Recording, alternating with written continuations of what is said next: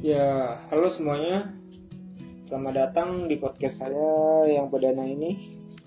Sebelumnya saya memperkenalkan diri terlebih dahulu. Perkenalkan, nama saya Muhammad Radi Sukanda, biasa dipanggil Adi.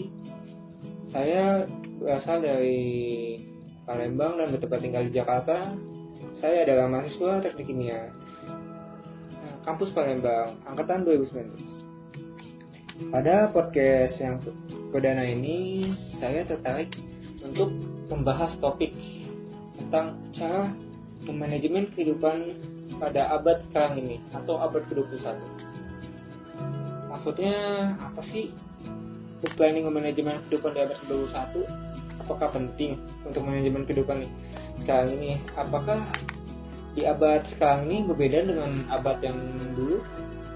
Untuk menjawab pertanyaan itu satu persatu, nah, ayo kita bahas topik yang pertama.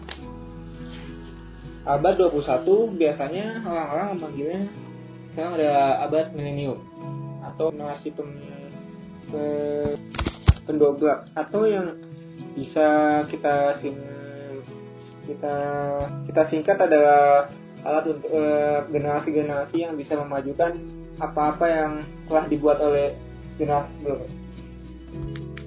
Nah, di dalam abad ini banyak yang telah berubah dan berubah dan maju seperti teknologi pada sekarang ini. Bisa kita lihat dan kita rasakan seperti kita telah menggunakan apa itu yang namanya smartphone. Smartphone itu ya hal yang penting pada saat ini. Pada lebih pada, pada dahulu kala handphone hanya sebagai alat komunikasi saja, tidak ada seperti itu. Namun pada sekarang ini handphone bisa dipakai buat keperluan apa saja seperti cari lokasi, pemesan makanan, eh, belajar, atau bisa juga dibuat untuk hiburan seperti bermain game atau menonton film. Tapi tapi terkadang karena pengaruh eh, teknologi-teknologi yang telah maju, generasi generasi sekarang seperti kelihatan manja atau seperti orang bilang malas. Karena semua yang dia butuhkannya telah penuhi dan dia tidak perlu lagi untuk melakukan usaha-usaha yang berat seperti dia harus berjalan ke restoran untuk membeli makanan karena sekarang ini sudah ada aplikasi untuk memesan makanan. Habis itu bermain game tidak perlu lagi dengan bersama kawan-kawan bisa juga hanya bermain melalui handphone dan online bersama kawan-kawan. Ataupun sama halnya dengan belajar. Belajar kita tidak perlu datang ke kelas bertatap muka dengan dosen-dosen atau guru-guru yang ingin mengajar kita. Kita bisa melihat video-video pembelajaran di YouTube, di Google atau tidak kita bisa melakukan Zoom meeting dengan dosen-dosen atau guru-guru yang ingin mengajar kita tanpa melakukan tetap muka langsung di hadapan. Nah, dalam hal-hal yang telah saya sebut, bisa disimpulkan kita harus membuat teknologi itu sebagai budak kita. Sekarang ini banyak teknologi-teknologi yang membudak membudaki kita seperti kita selalu tergantung pada handphone. Jika handphone ketinggalan kita seperti, wah handphone aku ketinggalan nih. Gimana nih? Aku harus apa nih? Nah, beda dengan ketika kita tidak memikirkan hal lainnya selain barang seperti itu. Karena menurut dia handphone adalah segala yang penting. Tanpa handphone, kehidupan seperti tidak ada pendamping buat mereka. Oleh sebab itu, kita harus pandai dan mampu manajemen teknologi-teknologi yang telah disediakan sekarang ini.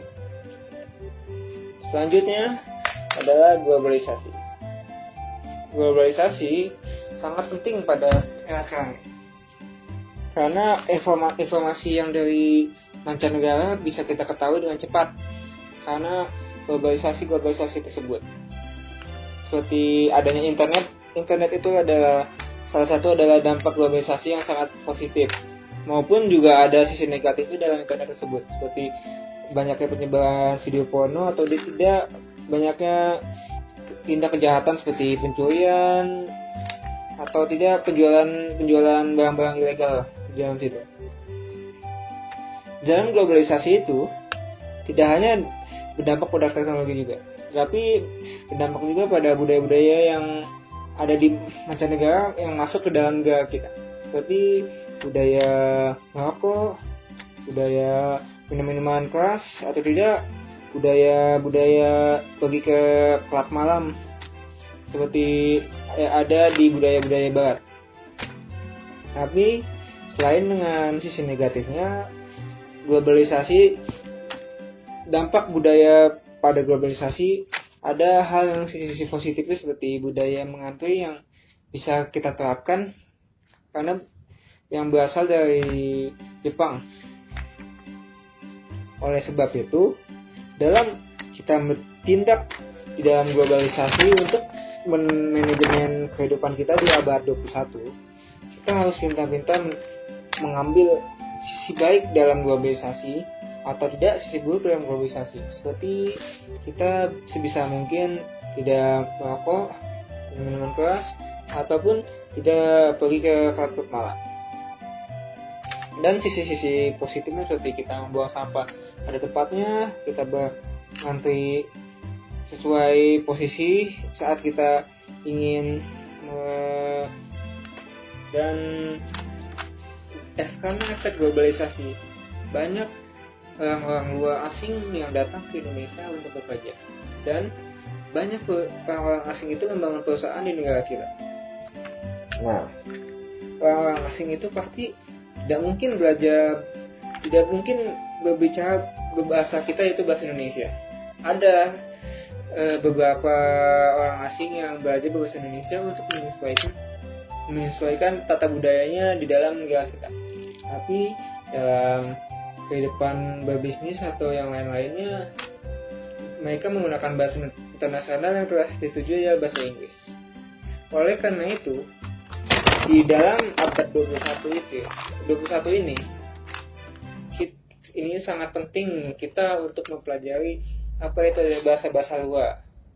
Tuh, paling tidak kita bisa dan pandai menguasai bahasa Inggris karena itu adalah bahasa yang internasional dan bahasa yang resmi dipakai dalam dalam berbicara bicara pertemuan khusus antar negara.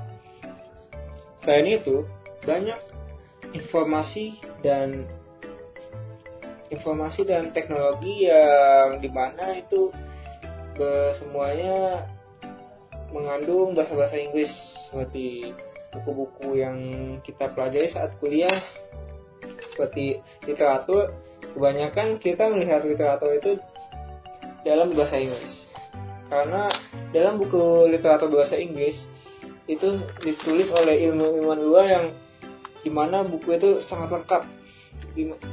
Sisi-sisi dari ilmu-ilmu yang kita ketahui itu bisa dibilang sangat lengkap dan kompleks. Jadi kita ilmu yang kita dapat dalam membaca buku itu dapat diperkaya dan kita dapat menerapkannya dalam kehidupan-kehidupan sehari-hari dan kehidupan-kehidupan saat kita melakukan pekerjaan-pekerjaan uh, setelah kita lulus kuliah nanti.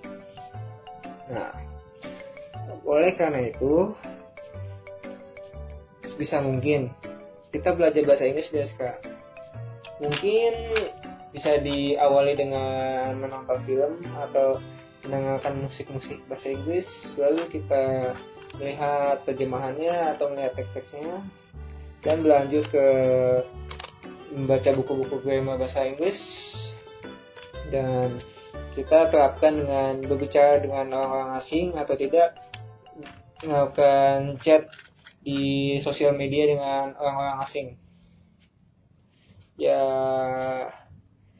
jadi intinya ya jadi intinya cara untuk planning manajemen kehidupan dari berusaha yaitu pertama kita dapat memanajemen teknologi-teknologi yang sudah ada dan menggunakannya semaksimal mungkin untuk membantu kehidupan kita.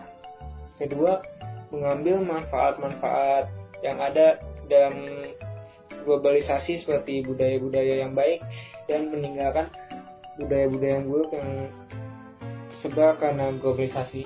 Dan ketiga eh, bisa menggunakan bisa menggunakan bahasa-bahasa lain selain bahasa yang kita gunakan bahasa Indonesia seperti bahasa Inggris atau tidak bahasa-bahasa yang biasa kita dengar seperti bahasa Jepang atau bahasa Prancis tapi yang pertama kita harus kuasai untuk menghadapi kehidupan di abad sekarang ini adalah bahasa Inggris. Udah sekian podcast perdana saya. Maaf walau ini adalah podcast petang perdana saya, kata-kata saya agak terbata-bata ya karena saya baru pertama kali melakukan podcast ini. Nah, jadi mohon dimaklumi atas eh, kesalahan ini. Kurang, terima kasih telah podcast ini. Saya pamit dulu.